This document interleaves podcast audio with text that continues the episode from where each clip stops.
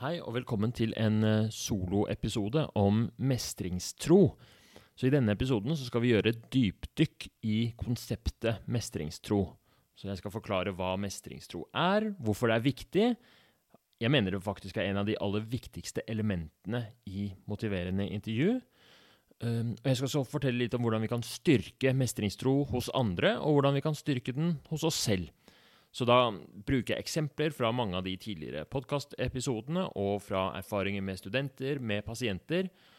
Og til slutt i denne episoden så kommer jeg til å fortelle om eh, det nyeste albumet som har kommet ut i dag, eh, og det heter Mestringstro. Så jeg skal si litt om eh, hva det er for noe, hvorfor jeg har laget det, litt om hvordan jeg har laget det, hvilke tanker som ligger bak, og hvorfor jeg mener det er et godt verktøy for å jobbe med mestringstroen. Og det er en veldig fin metode for, um, ja, for å skape og vedlikeholde god energi, motivasjon og få til endring i livet. Men først, for å kunne anvende det som et verktøy, så må vi vite hva mestringstro er, og bli eksperter på mestringstro sånn, eh, som et konsept. Få litt kunnskap om det. Så mestringstro det er et faglig begrep. Det heter self-efficacy på engelsk. Det, betyr, det betyr liksom troen på at du kan mestre oppgaver og utfordringer i livet. Enkelt og greit.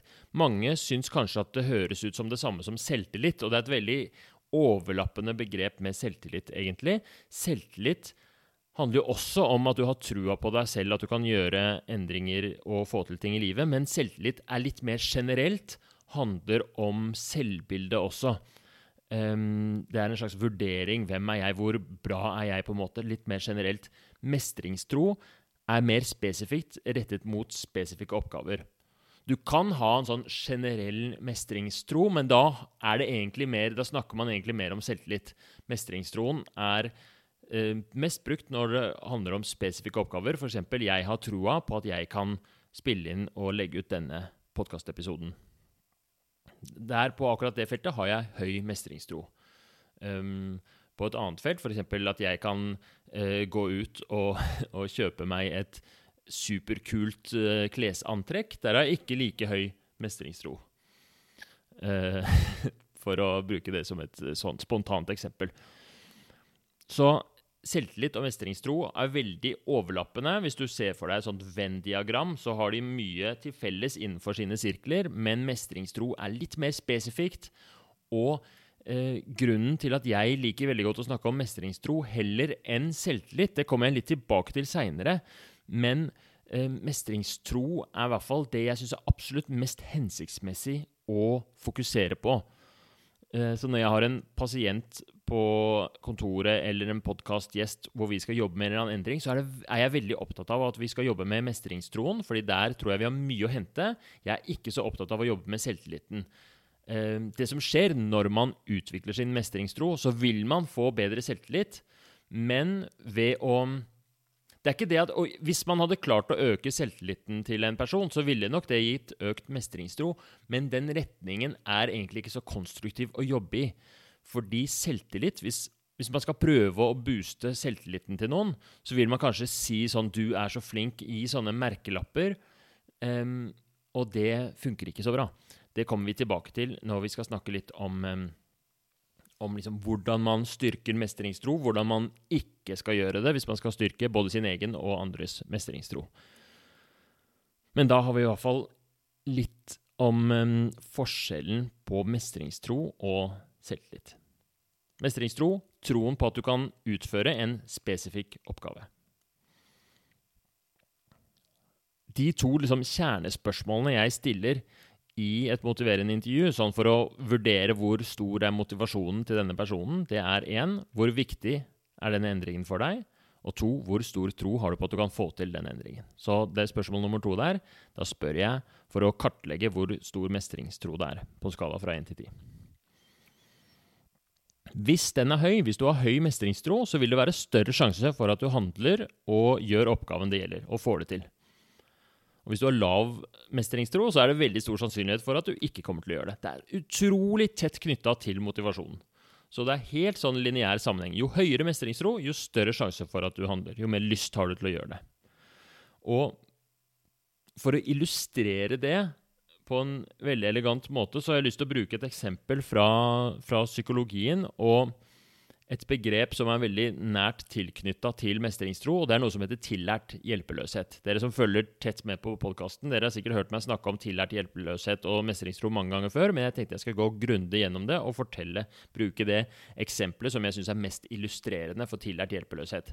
Så tillært hjelpeløshet det er når du har en sånn helt manglende mestringstro. Du har en oppfatning av at dette her får jeg ikke til. Og eh, den gjør at du blir helt i hjelpeløshet. Og den behøver ikke å være realistisk. Det kan godt hende at du egentlig objektivt sett ville fint kunne klare å gjennomføre oppgaven, men du har fått det for deg at dette får jeg ikke til. Så du har null mestringstro. Det er tillært hjelpeløshet.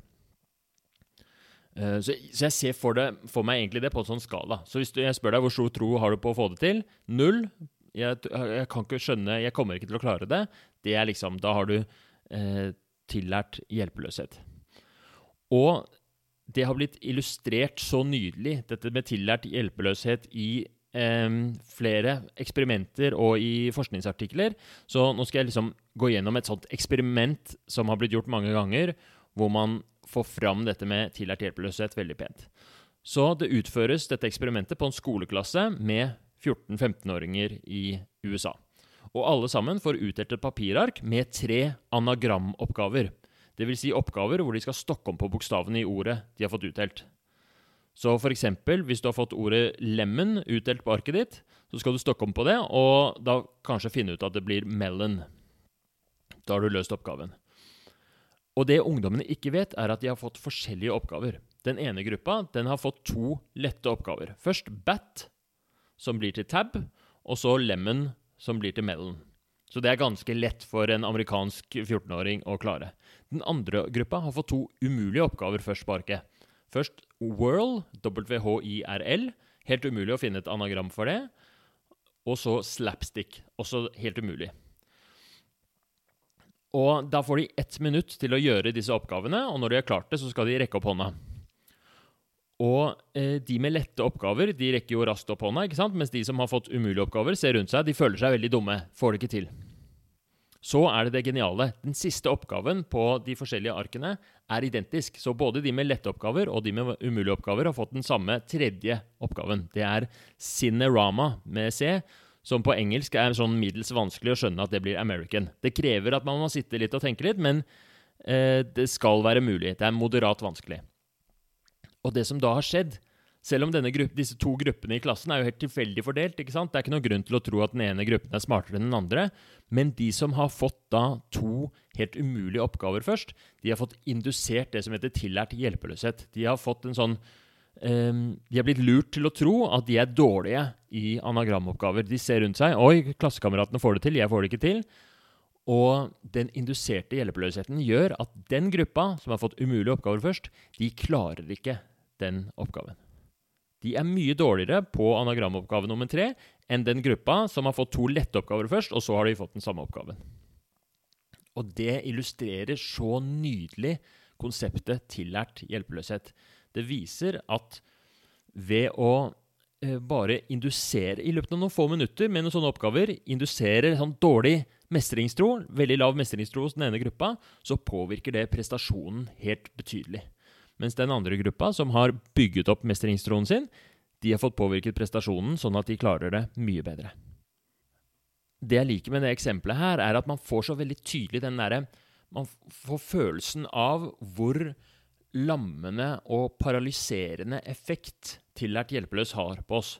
Altså Man kan virkelig se for seg at etter bare to oppgaver med at man har mislykket og føler seg dum og føler seg at 'dette får jeg ikke til', så blir det sånn at man sitter og strever med det anagrammet, Cinerama. Den ene gruppen sitter og jobber med det lenge nok til å få det til. Den andre gruppen gir opp. Så man ser, Det er lammende, det er paralyserende. Det gjør at vi ikke våger å prøve engang. Så mange av de eh, elevene kanskje, har kanskje ikke sett to ganger på det ordet engang. Vi bare tenker at det er nok et umulig ord. Jeg vil ikke mer. Og, og så er det det andre veldig interessante med det eksperimentet. Så ser man at hvor påvirkelig vår mestringstro er at bare ved noen få minutter eh, med liksom den opplevelsen av at du har en umulig oppgave, får det ikke til, ser rundt deg, de andre får det til, Det, det, tror jeg også er viktig. Det at man så rundt seg og sammenlignet seg med andre, det bidro til at, eh, at man ikke klarte det. Eller at man fikk indusert tillært hjelpeløshet. Og vi skal komme inn på både litt mer om hvorfor dette skjer, og hvordan vi kan bruke dette konseptet, altså tillært hjelpeløshet på den ene siden av skalaen, mestringstro på den andre siden av skalaen, og hvordan vi kan jobbe med det for å hvis vi er behandlere og jobber med pasienter, hvor viktig det er å styrke deres mestringstro, og også unngå å indusere tillært hjelpeløshet. Det kan vi noen ganger, Hvis vi ikke er på vakt, så kan vi gjøre det eh, ved en feil. ikke sant? At vi, vi opptrer på en måte hvor vi induserer tillært hjelpeløshet. Det er ikke bra. Da vil pasienten ikke få til å gjøre endring. Men det gjelder også for Det er jo mange som hører på, og jeg også er veldig interessert i å bruke disse konseptene for å få det bedre i mitt eget liv. og Kanskje øke motivasjonen min for enkelte oppgaver. Og da også kan vi bruke disse konseptene til lært hjelpeløshet, og være bevisst på, på liksom hvordan vi kan styrke mestringstroen sånn, for å øke våre egne prestasjoner. Så hva er egentlig vanlig mestringstro hos personer? Og her er det en påstand fra meg, da, men min erfaring både fra gjester i podkasten, som jo er helt vanlige folk, men også pasienter, men også medisinstudenter, som jo eh, Det er forskjellige, mm, forskjellige grupper, da. Og sånn jeg ser det, så er det veldig vanlig å ha lav mestringstro, og særlig når man i, i, i knyttet til det emnet som ofte er liksom viktig for dem å gjøre noen endring med, så har folk en tendens til å lavere mestringstro enn det som er realistisk. Så det er vanligere å være en litt sånn Sånn som i Ole Brumm, han Tussi, som er litt sånn hjelpeløs, litt pessimistisk på egne vegne, og som sier sånn jeg, 'Jeg tror ikke dette går. Nei, jeg har ikke egentlig helt trua på at jeg kan få det til.' Det er vanlig. Eh, det som ikke er så vanlig, det er noen som, som har en tendens til å ha høy um, mestringstro på alt. Da, er det jo egentlig, da har du jo høy selvtillit, ikke sant? Og, og da er man litt sånn som Pippi Lamstrømpe, som sier 'Det har jeg ikke prøvd før, så det er jeg helt sikker på at jeg kan få til'. Og det som forskningen viser, når man forsker på self-efficacy, det er at det, liksom, det smarteste, eller det som tilrettelegger for best prestasjoner, det er å ha en mestringstro som er realistisk, eller helst faktisk litt høyere enn realistisk. Hvis man er bitte litt optimistisk og naiv på egne vegne, så, så øker det prestasjonen, øker det evnen til å gjøre en endring. Altså, det her brukes jo på skoleprestasjoner, brukes på idrettsprestasjoner, disse målingene, og på evnen til å gjennomføre endringer i livet, endre levevaner f.eks. Det er jo det som jeg er uh, veldig opptatt av når jeg har som jeg bruker veldig mye av liksom, spesialisere meg på, er å hjelpe folk med å gjennomføre endringer i livet. Og da er det lurt å ha en mestringstro som er litt over det som er uh, realistisk, på en måte. Men de fleste har altså da litt lavere enn det mestringstro. Under det som er realistisk. Og hvorfor det? Hva er grunnen til at vi har lavere mestringstro enn for oss å ha om forskjellige grunner til? En viktig Når man skal liksom tenke hvordan er det psykologien vår fungerer, så tenker vi ofte på hvordan, hva slags miljø, hva slags kontekst er hjernen vår, sånn hardwaren vår, eh, utviklet for å briljere i. Og menneskets utvikling gikk jo veldig sakte i mange tusenvis av år. Frem til liksom jeger-sanker-tiden, og så etter den um, jordbruksrevolusjonen, etter den industrielle revolusjonen, så har utviklingen gått veldig fort, og vi har fått et drastisk annerledes samfunn enn det som kroppene våre var utviklet for å briljere i. Så når man må alltid liksom så, sånn gjelder det for, for, for, eh, for, veldig mange ting, og veldig mange både psykologiske og fysiologiske, fysiske um, systemer, så er de liksom designet for en litt annen livsførsel enn den vi har i dag.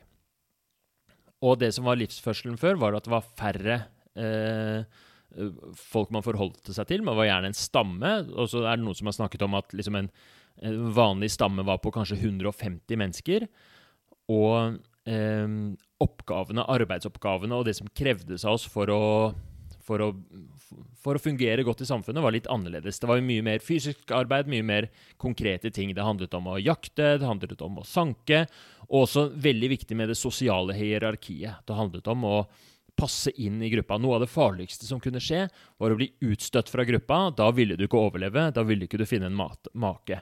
Men hvis du passet inn i gruppa og, øh, og klarte deg bra med oppgavene, så fikk du høy status og var en del av det. ikke sant? Så for et menneske så er det veldig smertefullt å tape ansikt. Så liksom å, å drite seg ut og, og, gjøre feil, det er noe som vi kjenner på veldig. ikke sant? Og det kjenner alle seg igjen i. At vi har ikke lyst til å å Vi husker veldig godt de gangene vi har dumma oss ut i plenum, og vi har um, sagt noe teit i en eller annen samtale, eller enda verre på sosiale medier. ikke sant? Og de kommer fra den altså Det gir veldig mening at det er sterkt for oss, for det, det, vil, det vil vi unngå på det sterkeste.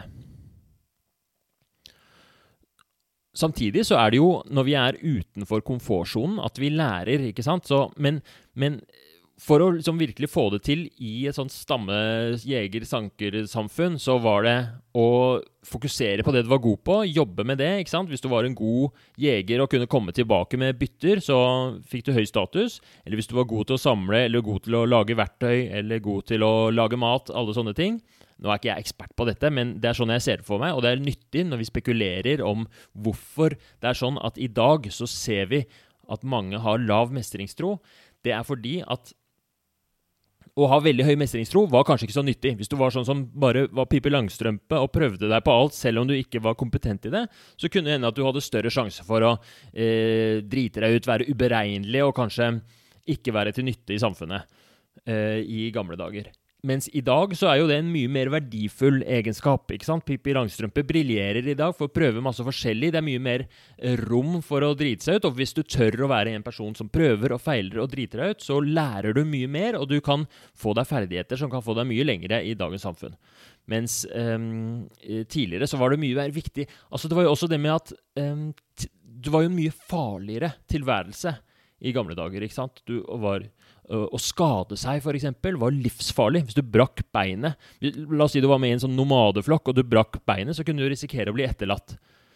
Um, det er, her er en digresjon, men nå kommer jeg på en av de vakreste historiene mine fra sånn, fra sånn um, biologi og historie og, og, og, historien til menneskeheten, som er litt på um, Som er en kontrast til det jeg fortalte nettopp. Og det er at i en sånn utgravning fra eh, man, man, har funnet en sånn stamme fra før istiden. så altså is, Siste istid var for 10 000 år siden. ikke sant? Og så fra tidligere det, så fant man en stamme. Så dette er før det var sivilisasjoner og sånt nå. Skikkelig jeger-sanker-stamme.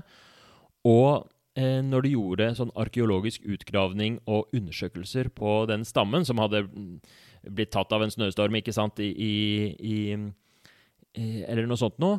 Og undersøkte menneskene som var i den stammen, så så man at en av medlemmene i den stammen hadde noen sånne voldsomme utviklingshemminger, eller fysiske, Uh, fysiske skader Som ikke var skader, men som var lyter. da, ikke sant? Noe som Den hadde um, blitt født med en eller annen sånn forkrøpling i beina, eller noe sånt noe. Så den personen kunne man si at den har aldri kunnet gå i løpet av hele livet pga. at den var deformert.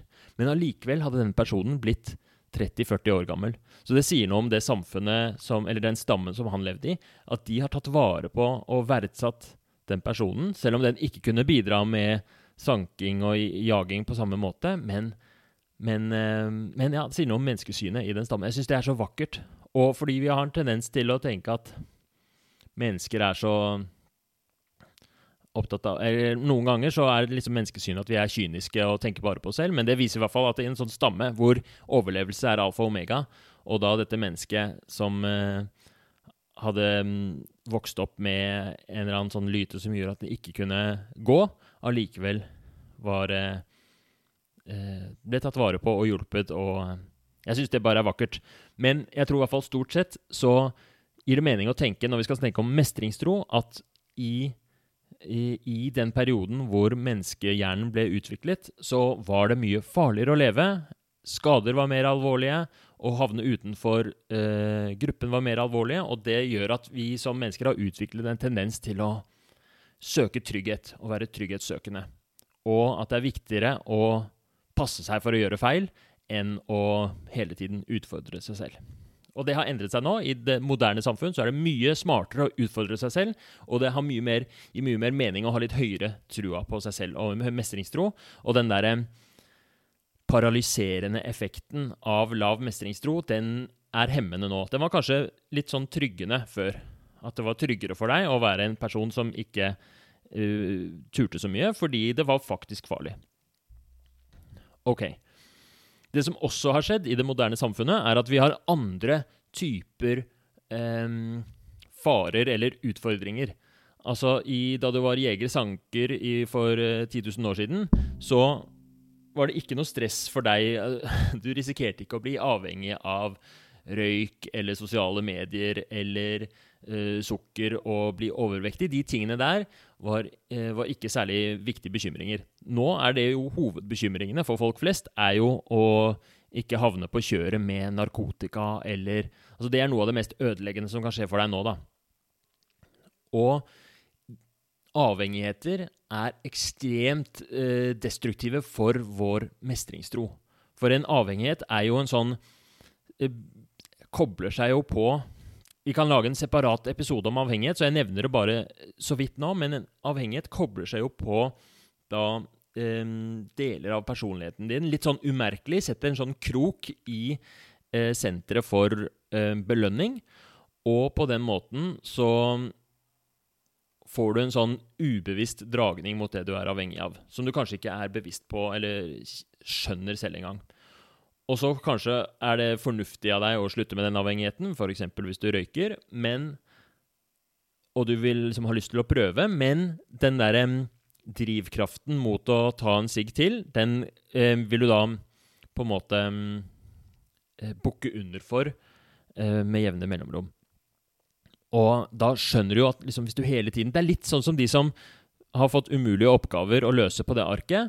Det er en sånn litt umulig oppgave og for, for, hjernen å klare å slutte å røyke, fordi du har liksom fått et sånt um, Altså, substansen har sneket seg inn til et sted av hjernen og tatt, um, og tatt overhånd over um, senteret for belønning, som da styrer atferden vår i stor grad. Så selv om du tror at ja, det er lett å slutte å røyke, så er det, har hjernen din blitt kuppet. Den har blitt hijacked av, av substansen. Og det vil gjøre at du får lavere mestringstro.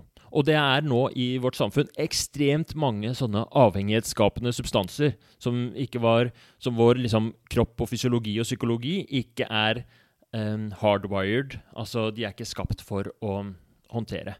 Så f.eks. sosiale medier, nettaviser. Konstant stimuli, konstant tilgang til eh, fantastisk velsmakende eh, søtsaker og eh, Altså, De bruker jo millioner av kroner på å utvikle liksom, det perfekte godteri som er mest mulig avhengighetsskapende og velsmakende. ikke sant?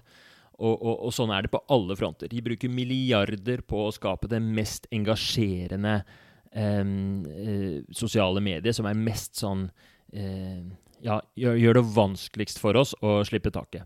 Så på alle disse områdene, sammen med narkotika, med rusmidler, med alkohol, med alt, så er det eh, ekstremt vanskelig for oss å håndtere. Og det bidrar til at vi liksom spesifikt for de tingene får lavere mestringstro, og sånn generelt vil det også bidra til at vi har litt lavere selvtillit enn det som er realistisk, eller det, det som er liksom Jeg ser for meg en sånn der baseline av mestringstro. At OK, jeg, hva, slags, hva slags tro har man på at man kan gjøre en hvilken som helst endring?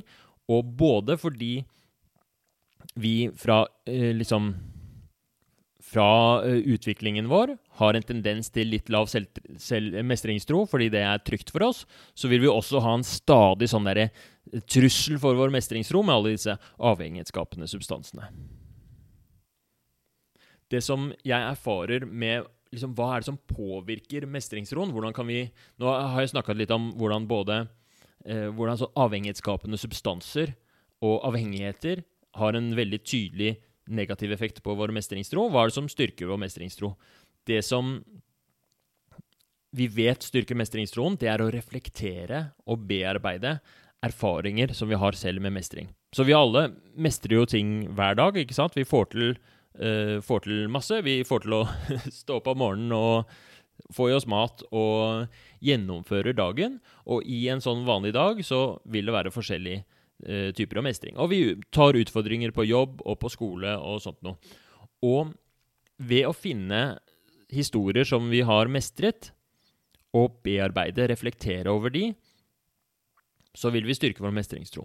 Hvis vi husker tilbake på noe vi har fått til, noe vi har gjort, og vi tenker litt på hvordan vi fikk til det, og hva vi gjorde med det, det vet vi at styrker mestringstroen. Så det er et av verktøyene vi bruker i motiverende intervju. Bearbeide erfaringer med mestring og reflektere over de. Og her kommer vi tilbake til en av grunnene til at mestringstroen hos folk flest er litt lav, og mange har litt sånn tillært hjelpeløshet liggende og lure. Og det er fordi eh, i det moderne samfunnet igjen, altså hvor det er så mye stimuli og så lite tid til Det er veldig liten tid av dagen uh, hvor vi bare sitter og ser ut i lufta og kikker inn i et bål eller uh, ser på landskapet, liksom. Uh, det skal veldig lite kjedsomhet til før vi tar fram mobilen og begynner å lese en eller annen artikkel eller noe sånt noe. Og så den tiden for å få til å bearbeide på egen mestring, den er veldig, veldig lite tilgjengelig. Mens uh, det, det, kroppen vår har en tendens til å gjøre, litt tilbake til at det var mer verdifullt å unngå feil enn å prøve seg på nye ting i gamle dager, det er at hvis vi har gjort en eller annen tabbe eller driti oss ut, så klarer vi ikke å la være å tenke på den. ikke sant? Da ligger vi våken og tenker på 'Å, jeg skulle sagt noe annet'. Å, jeg burde. Og det er på en måte bra, for det vil jo si at vi lærer av våre feil. Men det gjør at mestringstroen vår blir litt sånn kunstig lav. For vi får ikke bearbeidet Vi får bare bearbeidet de negative opplevelsene med feil, ikke bearbeidet de positive erfaringene med mestring. En annen ting som også påvirker mestringstroen vår negativt, og gjør at vi har en sånn urealistisk lav mestringstro i møte med forskjellige oppgaver, urealistisk lav selvtillit generelt, det er at eh, det er liksom påvirkningen fra sosiale medier.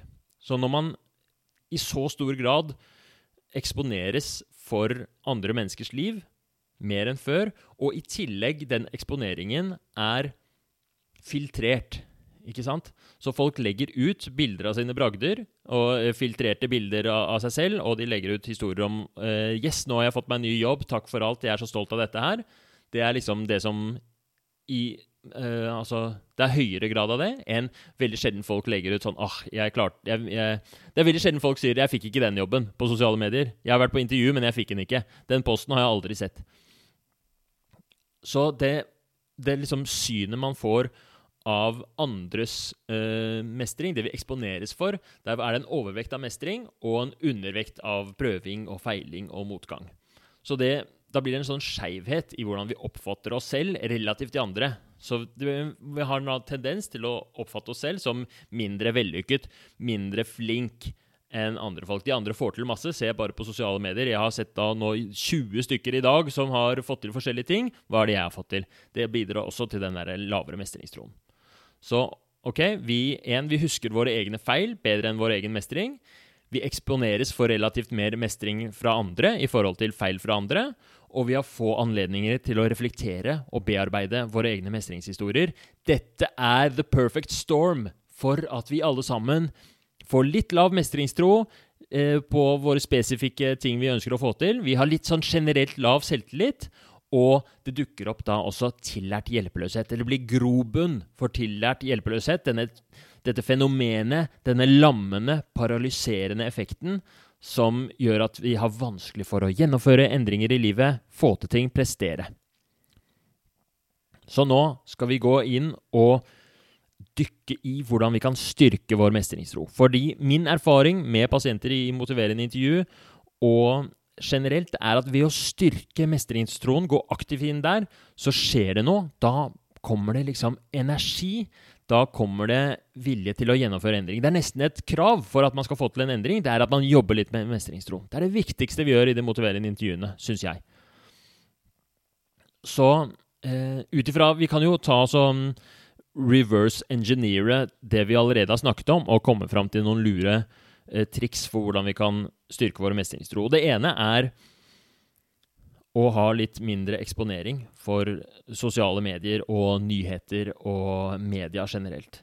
Så det, du har sikkert merka det hvis du har sittet og um, browsa på TikTok eller Instagram Reels, og du ser disse videoene som er liksom Wow, hvordan har disse menneskene klart å lage så kule videoer, eller så fantastisk velformulerte de er, og hvor vakre de er, og alt det der. Det, er, det gjør deg jo helt sånn Man blir lei seg, man får lav selvtillit, og Og, og, mm, det vil også påvirke mestringsroen. Så hvis man klarer å redusere eksponeringen for sosiale medier og for, um, for media generelt, så vil det være positivt for mestringsroen. Dette tror jeg ikke er et så veldig nyttig tips, for de fleste har nok lyst til å eksponere seg mindre for sosiale medier uansett. Uh, men det her er nok et argument for at sosiale medier kan være litt uh, ødeleggende for psykisk helse, og også for evne til å prestere i hverdagen. En annen måte å, um, å forbedre sin mestringstro til en spesifikk um, spesifikk endring eller spesifikk prestasjon, det er å sette konkrete, realistiske mål og bruke strategier som du vet funker for deg. Dette her går mer på, på liksom um, målretta endringsatferd. At den er um, At den er Hva er ordet for dette? Um, fornuftig. Ikke, det er ikke det riktige ordet, men i hvert fall at man hensiktsmessig endringsatferd. At øh, hvis du skal gjøre en endring i livet, sette konkrete mål, øh, realistiske mål, og bruke strategier. Så det kan ofte i seg selv, når jeg har en eller annen, øh, en eller annen gjest på podkasten som vil øh, f.eks. gå ned i vekt, og så snakker hun om at hun vil gå ned til øh, gå ned 40 kg. Og da føles det målet så utrolig langt borte og vanskelig. Men hvis vi da eh, lager en konkret plan om at vi skal fram til neste uke gå ned to kilo, og vi skal jobbe sånn og sånn og sånn, og får et realistisk mål, konkrete verktøy og strategier som hun vet funker, da endrer mestringstroen seg. Så det er litt sånn mindset-skifte på det. Men det jeg er mest interessert i som et verktøy for å endre eller forbedre mestringstroen, det er dette med å bearbeide mestringshistorier. For det tror jeg er en veldig sånn undervurdert strategi. Det er kanskje sånn man, man tror kanskje ikke at det kan ha så mye å si. Jeg husker jo min egen historie. Hva vil skje hvis jeg bearbeider det litt, eller snakker om det litt? Jeg tilføres jo ikke noe nytt. Men det er kanskje noe av det viktigste jeg har lært fra å jobbe med motiverende intervju nå i mange mange år. Det er den verdien av refleksjon og å bearbeide ting som man allerede har i minnene sine og i hjernen sin. Hvor eh, det er en sånn skjult perle av motivasjon som kommer hvis du går gjennom en eller annen mestringshistorie. Det kan være hva som helst. Og reflektere litt over ikke bare at du klarte det, men hvordan du klarte det, litt hvorfor det var viktig for deg, og hva som skjedde. Og det kan man gjøre. Det, jeg syns det er aller best i samtale med andre, men det kan også gjøre det med å skrive i en eller annen dagbok eller en logg. Skrive deg gjennom erfaringer fra livet ditt med mestring. Så hva er en typisk sånn mestringshistorie? Eh, jeg har et eksempel fra en, en sånn gjest som jeg hadde i podkasten. Hvis dere husker Det kan dere høre på selv. Det er episode sånn cirka Det er på 80-tallet et eller annet sted. 81 Der er den medisinstudentversjonen. er 81. Det er episoden med Erik som ville slutte å røyke. Og han, da jeg spurte han de spørsmålene som jeg alltid spør, hvor viktig er den endringen for deg, så var det høyt. Hvor stor tro har du på at du kan få det til? Den var lavere litt lavere mestringstro. Lavere enn det som er realistisk. Og det gjorde at han hadde kvia seg for å røyke. Altså Røyking er det liksom perfekte eksempelet på hvordan da mestringstroen er inne og, og eh, jobber. Altså, fordi det som er, Når du har lav mestringstro, dvs. Si du har fått deg tillært hjelpeløshet, så er det Det funker veldig lammende på deg. Ikke bare ved at den reduserer motivasjonen din, det er greit nok. Uh, så hvis du ikke har så troa på at du kan få det til, så gir det ikke så meningen å prøve, fordi det liksom er mye innsats for uh, liten sjanse for gevinst. Men den der tillærte hjelpeløsheten den påvirker oss på mer sånn der lumske måter også. Fordi for hjernen så er det litt anstrengende å ha liksom høy viktighet og lav mestringstro. Så hvis du går rundt og tenker sånn ja, det er veldig viktig for meg å slutte å røyke, det er utrolig viktig, det er prioritet én, men jeg har ikke troa på at jeg kan få det til, så jeg vet ikke hvordan jeg skal gå fram. Den tilstanden der, det er ikke noe behagelig for hjernen å være i. Det er belastende. Det er eh, minner om noe som heter kognitiv dissonans. ikke sant? Når du har litt sånn motstridende eh, Altså, når det er liksom en sånn det, det rimer ikke, ikke sant? Så det er tungt for egoet å gå rundt og si sånn 'Dette er viktig for meg, men jeg får det ikke til'. Og eh, vi har jo en sånn tendens til å på en måte dekke over Nå bruker jeg mange forskjellige psykologiske begreper her litt om hverandre, Men jeg, jeg tror dette er veldig viktig. At hvis vi har høy viktighet av noe og lav mestringstro, så må de på en måte Det er en slags sånn psykologisk gravitasjon. At de må nærme seg hverandre for at vi skal ha et sånt normalt, helhetlig bilde av oss selv. Og når de spriker veldig Det som skjer da, er ikke at mestringstroen øker, og som at vi klarer å snakke oss opp til i vår indre dialog opp til at jo, men jeg har kanskje trua på at jeg kan få det til, for det er så viktig.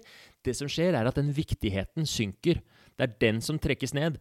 Så hvis du går rundt i mange år og du tenker, får av og til et sånt inntrykk av ja, det hadde vært viktig for meg å slutte å røyke, men jeg har ikke trua på at jeg kan få det til, så plutselig vil den viktigheten synke. Og så går du rundt og overbeviser deg selv fordi du har tillært hjelpeløshet. ikke sant? fordi du ikke har trua på at du kan få det til, så overbeviser du deg selv om at det er ikke så viktig å røyke. Og det er først når du da har den samtalen hvor vi snakker litt om fordeler og ulemper, at du innser å jo, det er faktisk viktig for meg, men problemet er at jeg har ikke trua på det. Så den derre tillærte hjelpeløsheten, lav mestringstro, den drar ned følelsen av at dette er viktig for meg. Den trekker i liksom kjerneverdiene våre og påvirker de. Derfor syns jeg også dette er så viktig tema. At hvis vi klarer å liksom verne litt om mestringstroen vår ved disse grepene som jeg har nevnt, så kan vi så kan vi komme nærmere i kontakt med hva som virkelig er verdiene våre også. At de blir mer autentiske. Våre drivkrefter blir mer autentiske. De blir ikke lammet av en sånn urealistisk lav mestringstro. Ok, Dette var en lang digresjon. Så det jeg snakket om, var eh, Erik som var på podkasten for å slutte å røyke. Han hadde høy viktighet, lav mestringstro når han fikk tenkt seg om. Og måten vi da jobbet for å få opp den mestringstroen litt, var å snakke om en tidligere erfaring med mestring. Så jeg spurte han hva har du gjort før som du er stolt av. Og han måtte tenke seg litt om og kom fram til jo, jeg er litt stolt av at eh, jeg satte opp garderobeskap på det ene rommet i huset han bodde i. Og det er jo en helt ikke-relatert erfaring, historie, og det er også et poeng at det trenger ikke være på en måte relevant. Så ved å snakke om den, da spurte jeg litt mer spørsmål. Ok, Hva var det som gjorde at du var litt stolt av det? Jo, det var vanskelig fordi det var et sånn skråtak der. Vi måtte spesialdesigne garderobeskap. Jeg er ikke særlig eh, handy. Eller jo, han er sikkert handy, men han hadde ikke gjort akkurat den eh, Hadde ikke erfaring med akkurat den der måten å jobbe på før. Han er ikke utdanna snekker, hadde ikke satt opp garderobeskap på den måten før. Så det er han litt stolt av at han fikk til. Ja, hvordan fikk du det til? Jo, blant annet så eh, satte han seg ned med samboeren, og de skrev en liste over hva som måtte gjøres, og satte opp liksom steg for steg. De brukte en strategi ikke sant? hvor de, hvor de eh, lagde en konkret plan. De stykket opp og fordelte seg imellom som, eh, hvilke oppgaver hvem som skulle gjøre. Og så leide de inn hjelp fra en ekte snekker til å gjøre noen av de oppgavene som var for vanskelig for de. Og ved å bearbeide denne oppgaven, og ikke bare tenke 'oi, så fint at jeg fikk det til', men å gå gjennom hva var, liksom, hva var det jeg gjorde for å få det til, så fikk da Erik en sånn eh, følelse. Wow, jeg kan jo bare gjøre det på nytt. Jeg, ved å bearbeide den erfaringen, så kunne jeg merke i samtalen at mestringstroen hans steig. Det var helt tydelig. Han fikk mer energi, han fikk litt annen holdning. Plutselig var han litt rettere i ryggen. Og han fikk lyst til å begynne å lage en lignende plan for røykinga. Så det er et perfekt eksempel på hvordan ved å bearbeide en eller annen mestringshistorie, så gir det deg energi, gir deg motivasjon til å gjøre noe som kan være helt komplett ikke-relatert. da. Og da er det viktig å ikke Fokuset er ikke på sånn 'jeg var så flink, se på det garderobeskapet jeg satte opp', men hva var det jeg gjorde? Hvordan var det jeg gjorde det? Hva var strategien min? Hvordan, hvilken innsats jeg la inn? Det er der nøkkelen er. Og akkurat den distinksjonen der mellom hva er det jeg har fått til, hvordan var det jeg fikk det til, den er også veldig viktig. Og det er litt av grunnen til at jeg mener at det er viktigere og mer hensiktsmessig og enklere også å styrke mestringstro heller enn selvtillit. Selvtillit, sånn generell selvtillit, den eh, er jo sånn basert på hva er det jeg har fått til? ikke sant? Hvem er jeg? Det er en slags sånn identitet. Mens mestringstro handler om at jeg fikk til spesifikke ting. Og eh, det er et annet Nå kommer det enda et psykologisk konsept. Hold dere fast. Eh, har dere hørt om growth mindset, altså vekst-mindset, kontra det som heter fixed mindset, altså mer sånn rigid, fiksert tankegang, syn på seg selv. Og det er det eh, gjort masse forskning på, at å ha et sånt growth mindset er veldig viktig for hvordan man presterer og fungerer i, i verden. Fordi hvis man ser på seg selv som veldig at jeg, eh, jeg, er sånn og sånn, jeg kan ikke endre meg, så vil det være veldig negativt for dine prestasjoner. Hvis jeg ser på meg selv som en som kan lære og utvikle meg, så vil det være positivt for, uh, for mine prestasjoner. Så det er liksom hva slags innstilling man har, hva slags syn man har på, um, på sin egen utvikling. Og derfor så Den, um, den Hvis man ser på sånn 'Å, jeg var så flink som har dette garderobeskapet', det er jo litt sånn fixed mindset, ikke sant? Det er å fokusere på identitet.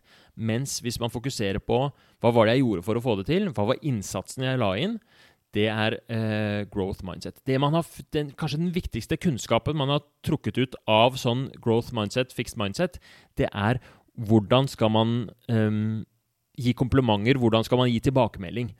Fordi hvis man gir tilbakemelding, det gjør forskning på, hvis man gir tilbakemelding på barn på 'du er så flink', 'du er så smart', sånn identitet, ikke sant? Du er um, adjektiver, ikke sant? Du er smart, du er flink. Da um, vil de prestere dårligere. Det vil være lammende for dem. Det vil ha masse negative effekter.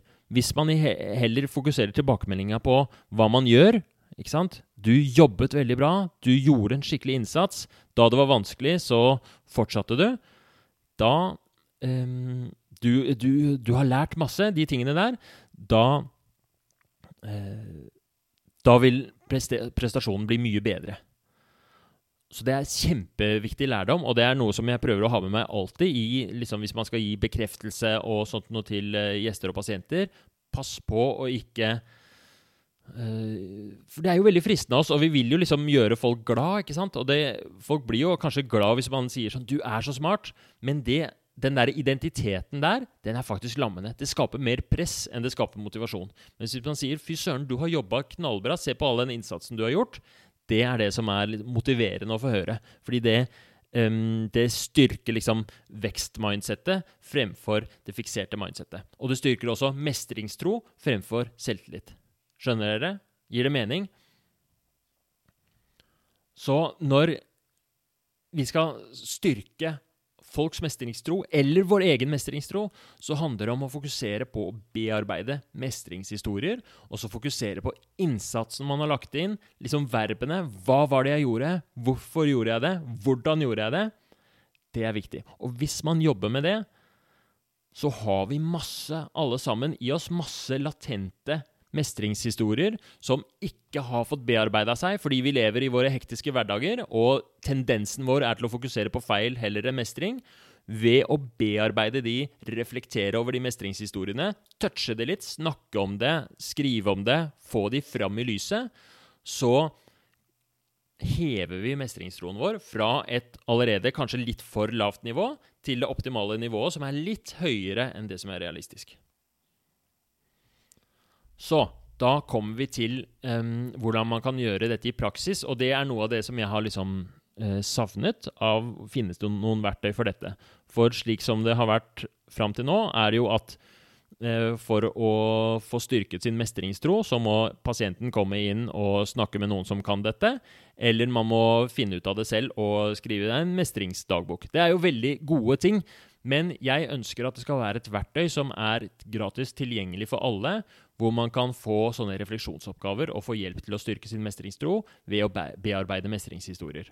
Så Derfor har jeg laget et sett med sånne refleksjonsoppgaver som er ca. ett minutt hver, spilt inn på lydfil og lagt på eh, musikk. Jeg tror musikken kan bidra med å skape litt energi, litt konsentrasjon, litt moro, sånn at det gjør det enda lettere å gjøre det og lagt ut på Spotify, kommet ut i dag. Albumet heter Mestringstro. Består av Nå husker jeg ikke hvor mange spor det er eh, i farta, men det består nesten 20 Det varer ca. 20 minutter, da. Med eh, refleksjonsøvelser. Og så innimellom så er det noen sånne peptalks som forklarer litt, og som, eh, som, er laget for å liksom gi, en, gi litt motivasjon til å fortsette. Det finnes to versjoner. Det er en av tingene jeg har fått tilbakemelding på fra det forrige albumet, det som handlet om takknemlighet. Og det var at særlig Det var folk med migrene, f.eks., syntes det er ubehagelig med den rytmiske musikken i bakgrunnen. Um, så da har jeg Og det har jeg gjort fra starten av, at jeg har lagt ut lydfilen også på nettsiden min. Det er jo ikke alle som har um, Spotify og andre musikksteder, ikke sant? Så da kan du laste ned gratis fra nettsida mi. Og det er, eh, det er sånn jeg vil ha det, at det skal være tilgjengelig for absolutt alle. Og der finnes det også uten musikk eller med musikk. Og det nye albumet nå er lagt ut i to versjoner. Så det er mestringstro med musikk, og så er det mestringstro med bare sånn atmosfærelyd.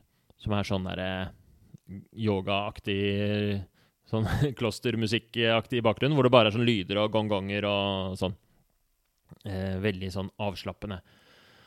Og så når jeg satte meg ned og, og, lagde dette her, så har jeg prøvd å komme fram til hva er de beste mestringstro-øvelsene. Hvordan kan vi få, i løpet av 20 minutter, få et skikkelig batteri av gode spørsmål, gode øvelser med gode instruksjoner, som gjør at det virkelig kan Den som hører på, får sånn blir leid i hånda og veiledet gjennom hvert steg, av, eh, hvert, hvert steg, av, prosessen for å hente tak i sine mestringshistorier, bearbeide litt, styrke sin mestringstro. Så dette er perfekt verktøy hvis du eller en du kjenner er litt sånn åh, 'Jeg vet ikke helt om jeg får det til.' er litt sånn, man, Det er ikke alltid man er bevisst på det heller, at man har lav mestringstro, men man bare går rundt og føler seg litt energiløst, føler, litt sånn at er, alt er så vanskelig. Jeg har prøvd det før, jeg får det ikke til. Det er liksom Det er det som alle med lav mestringstro sier. Ja, men har, jeg har prøvd alt, det går ikke. Det er tillært hjelpeløshet i, et, i en replikk i et nøtteskall. Da, ved å høre på det albumet, så er tanken at man styrker mestringstroen litt etter litt. Jeg har laget det sånn at første gangen du hører på, så skal du høre gjennom hele albumet fra start til slutt. Da er det tre øvelser peptalk, tre øvelser peptalk, tre øvelser peptalk. Så neste gang så velger du ut dine favorittøvelser og du skal ikke velge mer enn tre-fire av gangen. ikke sant? Legg det i en spilleliste, og så er det den du bruker som ditt verktøy. Og tanken er at man øh, hører på det jevnlig, kanskje på vei til jobb eller noe sånt nå, i en sånn rutine. Det er det beste. Og da får en sånn daglig påminnelse av sine mestringshistorier. Tenk hvordan livet blir da hvis du hele tiden, istedenfor å gå rundt og ha liksom tillært hjelpeløshet, hvis du hele tiden minnes på alt det du får til, alt det du har prøvd, alt det du har gjort Hvis du har liksom mestringen din med deg, dine erfaringer med deg, i møte med hverdagen. Det er en motvekt mot den der negative effekten av sosiale medier, hvor vi eksponeres for en overvekt av suksess og lykke fra andre og en undervekt av feil fra andre, hvor vi får et sånt feilaktig bilde av oss selv relativt til andre. Dette her blir en måte å få et mer balansert forhold til seg selv selvbilde. Det vil også da, som vi snakka om i stad, ved å jobbe med mestringstro, så styrker du selvtillit. Mens det å prøve å bare styrke selvtillit, det er vanskelig.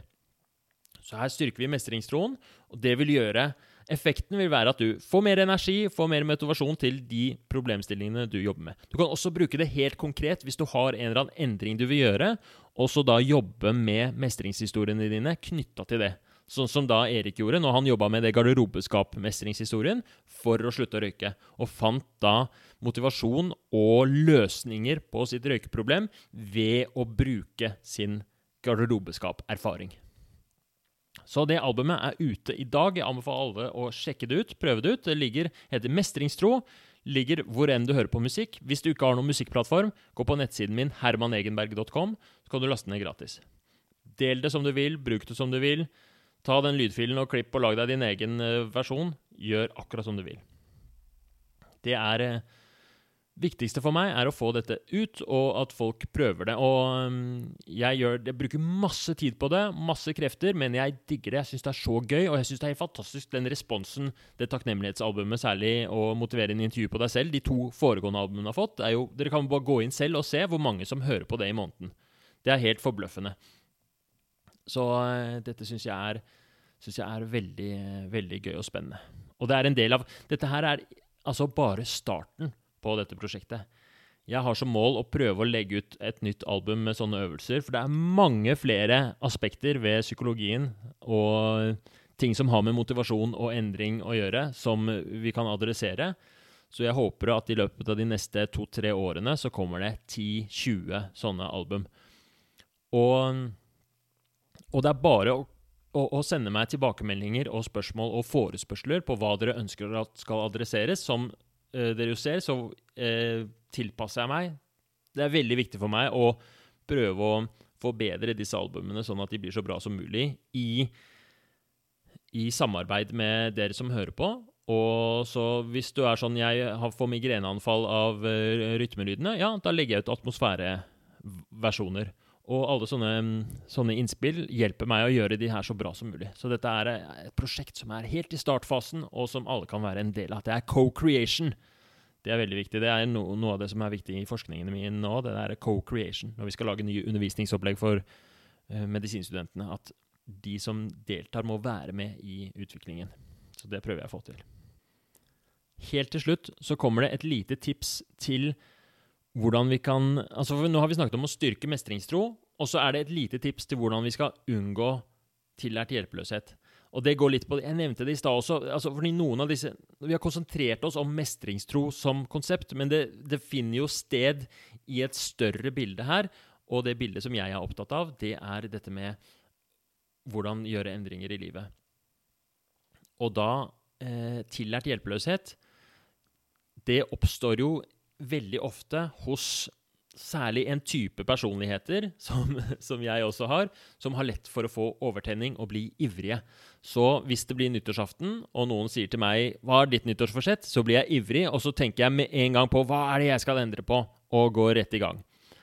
Og sånn tror jeg det er for, for, veldig mange, at vi har en tendens til å bli litt overivrige og få overtenning i sånne øyeblikk av inspirasjon. 'Nå skal jeg slutte å røyke. Nå skal jeg få kontroll på økonomien. Nå skal jeg begynne å trene. Nå skal jeg slutte å spise sukker.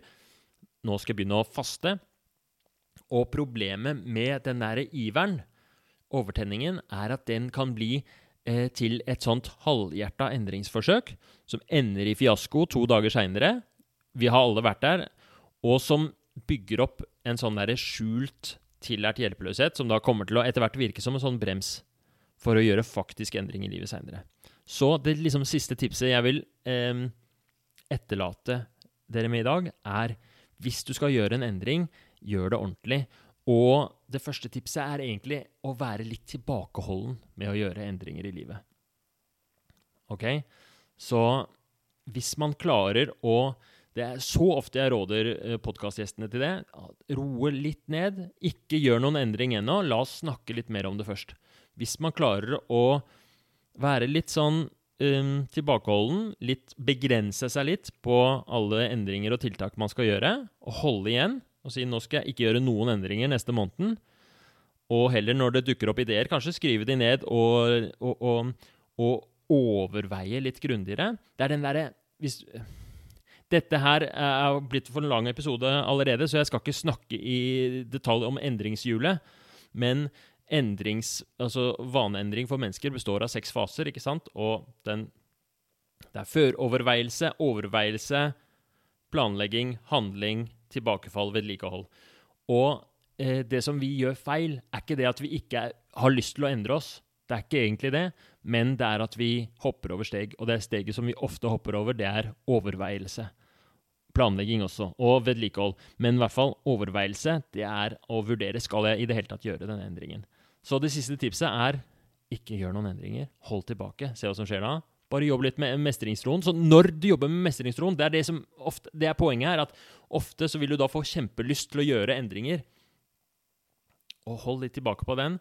Og hvis du skal gjøre en endring, vær sikker på at den er viktig for deg. Det er det viktigste. Det er den tingen jeg skal endre på nå. Og hvis du vil endre på det, gjør et skikkelig helhjerta forsøk med en god plan og med litt oppfølging fra noen kompiser, kanskje, og gjør det til et ordentlig prosjekt som lykkes. Fordi hvis du nå hører på Mestringsro-albumet og blir sånn supergira på å slutte å røyke, og så kaster du røykepakka di, og så går det en uke, og så har du ikke tenkt ordentlig godt gjennom det, og ikke får det til, da går det litt mot sin hensikt. Ok, dette her ble nesten en time. Tusen takk for at du har hørt på. Send inn spørsmål og tilbakemeldinger og hva du vil til hermanegenberg.com eller på hermanegenberg på Instagram. Og så håper jeg du koser deg med det Mestringstro-albumet, og ha en fin dag videre.